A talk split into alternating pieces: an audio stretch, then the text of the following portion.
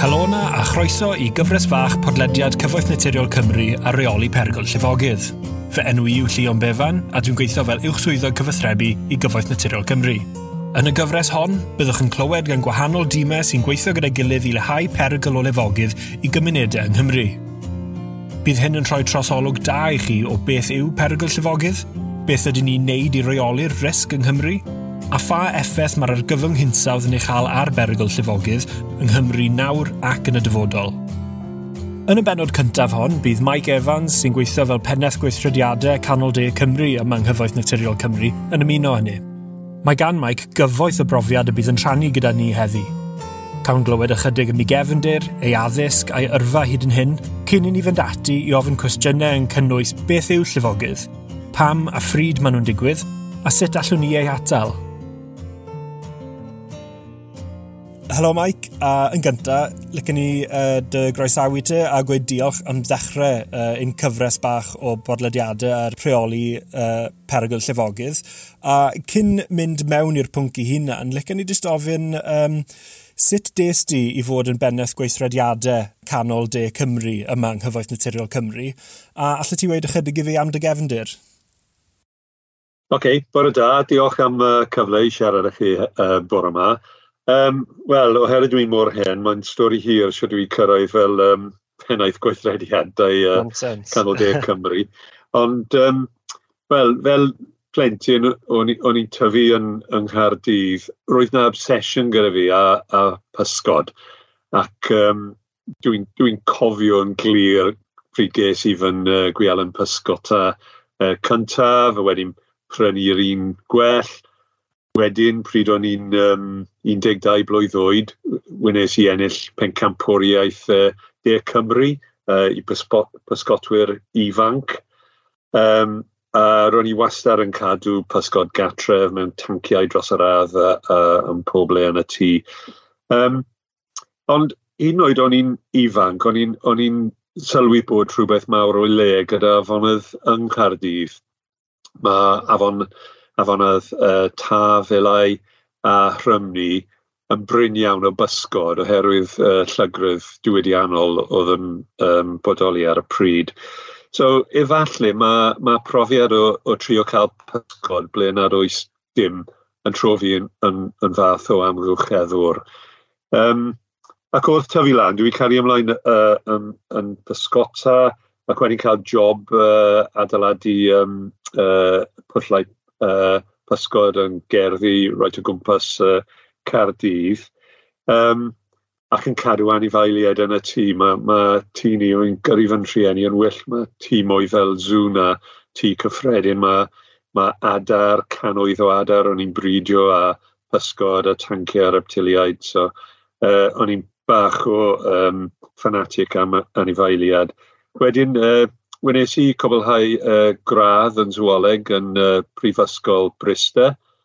Um, cyn dechrau taithio y byd. Ac wrth fynd rawnd y, y byd, o'n i'n sylwi bod cysylltiad uniongyrchol a safon bywydau pobl a safonau amgylcheddau nhw.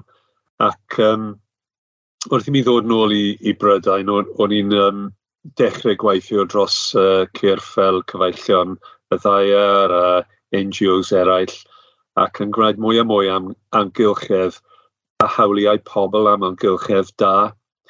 Um, wedyn penderfynais i gwneud um, gradd ychwanegol yn uh, Prifysgol Plymouth yn um, rheoli pysgodfaidd cyn fynd tra môr i weithio am dair blynedd yn, yn ysoedd y Philip, uh, Philippines um, gyda pysgotwyr um, mwrol ac o'n i'n, uh, wel, roedd um, nod uh, i mi fod yna yn helpu uh, pobl, ond on i'n dysgu lot mwy oddi wrthyn nhw na i erioed wedi ei dysgu uh, iddyn nhw. So, um, o'n profiad anhygoel. Um, wedyn, des i yn ôl i Brydain a cael gwaith gyda mwy o NGOs cyn ymuno ar y pryd um, yn corff ni o'r enw uh, Natural, na, uh, National Rivers Authority yn fy swydd delfrydol fel um, swyddog uh, pysgodfaidd yn Norwich, ble dwi'n gwneud um, uh, research, uh, ymchwil, um, arolygion uh, yn, yn Norfolk Broad, so mae'n mae lle delfrydol ac o'n i'n um, cydweithio'n glos gyda pobl, a, a dyna thîm amgylchedd a phobl sy'n dilyn fi trwy gydol fy'n gyrfa.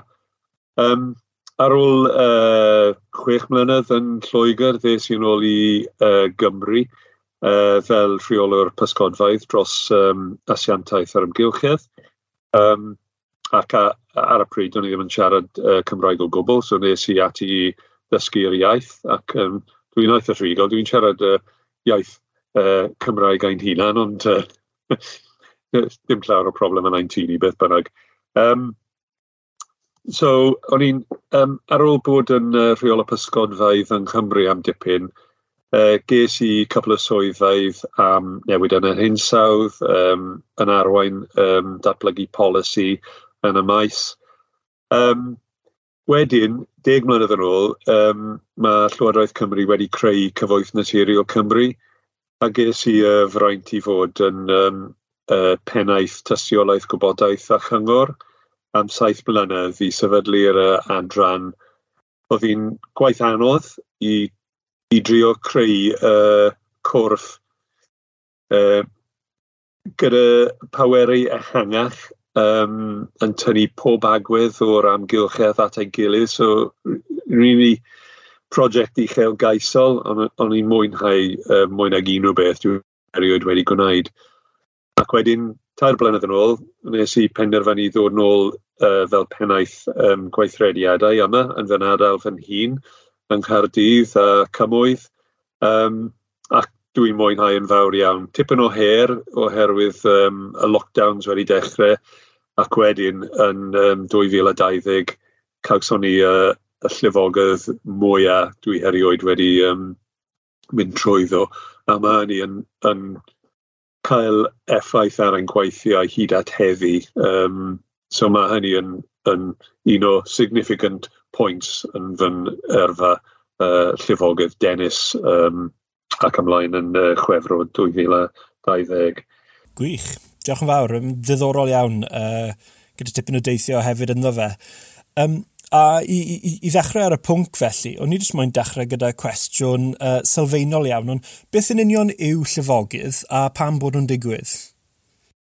Wel, mae ffenomenon llifogydd yn, yn un hollol naturiol ac heb llifogydd um, y tirwedd Cymru ddim yn, yn bod. So, mae llifogydd yn naturiol, mae pryd mae'n bwrw glaw, mae, mae dŵr yn llifo dros y tir, mynd i mewn yr afonydd ac i'r môr um, yn ffrwythlon i'r tir sy'n gwneud Cymru yn, yn wyrdd um, ac yn creu siap a'n gwlad.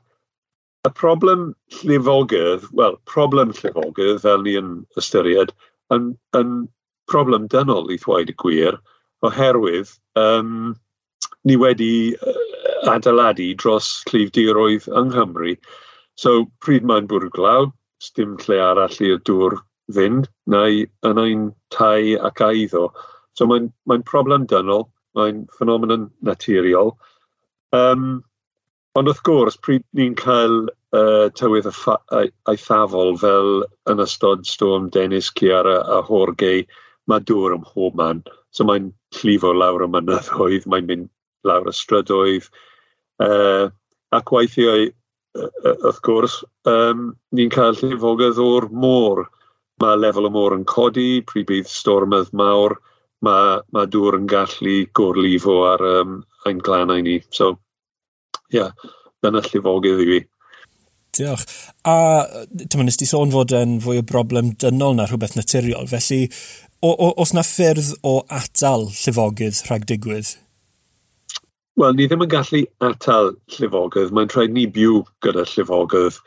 Um, ac her i un cymdeithas ni yw siwt i fyw gyda llifogydd. Ac yn y dyfodol, ni'n gwybod, oherwydd newydd yn y hinsawdd, bydd mwy a mwy o llifogydd – a mwy mwy o lifogydd mawr um, eithafol. So, ni ddim yn gallu atal, ond ni'n gallu rheoli risg o fyw gyda um, llifogydd, a, a dyna ein rôl ni. E, uh, rhwbuddio pobl, adeiladu amddiffynfaidd, ac ymlaen ac ymlaen. So, byw gyda llyfogydd ydy ein her ni. Diddorol. A um, ydy Cyfoeth Naturiol Cymru yn gyfrifol am pob math o lyfogydd? Eh, nid pob math, ond um, mae hynny yn swnio'n od i pobl sy'n gwrando uh, oherwydd dŵr sy'n llifo yn dŵr. Um, ond ni yn, yn y gyfraith, ni yn gyfrifol am um, y, uh, afonydd mawr, so main rivers mae'n galw nhw yn Saesneg. Um, dyna'n rôl ni uh, cronfaidd yng, yng Nghymru ac uh, llifogydd o'r moroedd o'r, or, or ar y fôr deir. Ac wedyn mae cyrff eraill fel um, uh, cwmnïau dŵr a awdurdodau lleol yn gyfrifol am um, yn, uh, llifolgydd o neintydd bach a dŵr wyneb sy'n llifo lawr strydoedd a, ar y mynyddoedd a, a lleoedd fel yna. Ti wedi sôn am y, am y risg o lyfogydd. Sut gallwn ni fel cymdeithas rheoli'r risg hynny? Wel, uh, uh, y cam cyntaf yw bydd yn amwybydol o risg sy'n um, wynebu pob un ohono ni. a paratoi ar gyfer llifogydd um, fel unigolion yn ein tai ni, fel cymdeithas, fel Llywodraeth a Cyfoeth Naturiol Cymru.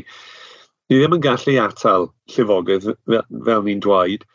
Um, o'n i'n gallu adeiladu am, am ddiffynfaith, a dyna beth mae pobl yn meddwl pryd maen nhw'n meddwl am, am rheoli risg uh, llifogydd, so mae, mae hynny yn fwy amlwg. Um, ni yn tueddu ystyried nawr, uh, sydd ni'n gallu um, rheoli y, y tir i gwneud um, llifogydd yn llaid tebygol yn y dyfodol. Mae'n mae anodd when, when tra, um, yn rhai o'r um, dalgylchau um, ni oherwydd maen nhw'n mor serth a maen nhw'n ymateb mor glwy i'r glaw sy'n um, disgyn ynddyn nhw. Ond yn sicr ni'n gallu gwneud mwy am rheoli tir, ni'n gallu rhywbuddio pobl a pryd mae um, llifogydd yn dod. So, Mae'n y sawl pethau a dwi'n gwybod bod ni'n trafod nhw yn ystod y podlediadau um, sy'n dod. So, dwi ddim yn mynd i manylion yn nawr. Na, mae'n iawn. So, fel wyt ti wedi gweud yn barod, mae llifogydd yn ffenomen naturiol a o ganlyniad mae'n gallu digwydd unrhyw bryd. Felly, beth yw rôl cyfoeth naturiol Cymru pan fod llifogydd yn digwydd? A hefyd, tymo, beth sy'n digwydd pan fod llifogydd yn digwydd, tymo, naill yn ystod y nos, neu tymo, tu hwnt i oriau gwaith arferol? Beth, beth yw'n trefen ni yn yr achos hynny? Ie, yeah, ie. Yeah. Ein, ein rôl ni yn fwy fel peacetime, so y gwaith caib a rhawn ni'n gwneud pob dydd round y cloc i, um, i cynnal ein uh, asesu as, asedau ni um, fel um, uh, uh, sluices, amddiffynfaidd, um, coredau a pethau fel yna.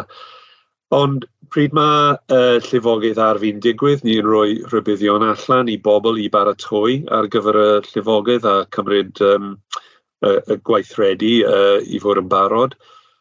Ac um, ni yn uh, corff sy'n ymateb um, lefel 1 fel yr heddlu a gwasanaethau tan. So pryd bydd llyfogydd ar fi'n digwydd, mae'n tîmau yn barod i gweithio round the clock 365. So um, ni ddim yn uh, uh, corff 9 to 5, so ein tîmau wedi cael ei hyfforddi, wedi cael profiadau um, um, dros yr amser hir. So pryd mae llifogydd yn digwydd, ni allan yn y maes um, gwneud y gwaith caib a rhaw, ni'n rhoi rhybuddion allan, ni'n gwneud yn siŵr bod yr afonydd yn clir, y coredau a stwff yn, yn, yn llifo yn, yn rhwydd. A yn, yn gynharach, nes di sôn am yr hinsawdd a sut mae hwnna'n newid y risg. Um, sut, sut wyt ti'n gweld sut mae'r um, hinsawdd ie yn effeithio risg, ond hefyd yn effeithio uh, ein gwaith ni a tymod y perygl um, o lefogydd yng Nghymru yn y dyfodol? Wel, bydd y her i ni ac arian cyhoeddus yn mynd i, i, i tyfu um, am flynyddoedd i ddod. So, um, a ni ddim yn gallu ymateb i pob her, so ni ddim yn gallu amddiffyn pob cymuned yn y dyfodol. Ond um, Ein sgimau ni a'n prosiectau fel mae, mae cwbl o sgimau ni um, newydd ddechrau yn Amynffyrd a Has Newydd, Um, Mae, mae nhw'n ystyried newid yn yr hinsawdd ac yn gwneud yn siŵr bod amlith ffynfaidd yn ddigon uchel i delio gyda, gyda lefelau uwch yn y dyfodol. So ni'n ni, adeiladu newid yn y hyn sawdd i mewn ein prosiectau ni. Ond yn, yn fwy anodd yw rhagweld ble byddwn ni um, mewn degawdau a pa heriau byddwn ni'n wynebu fel cymdeithas.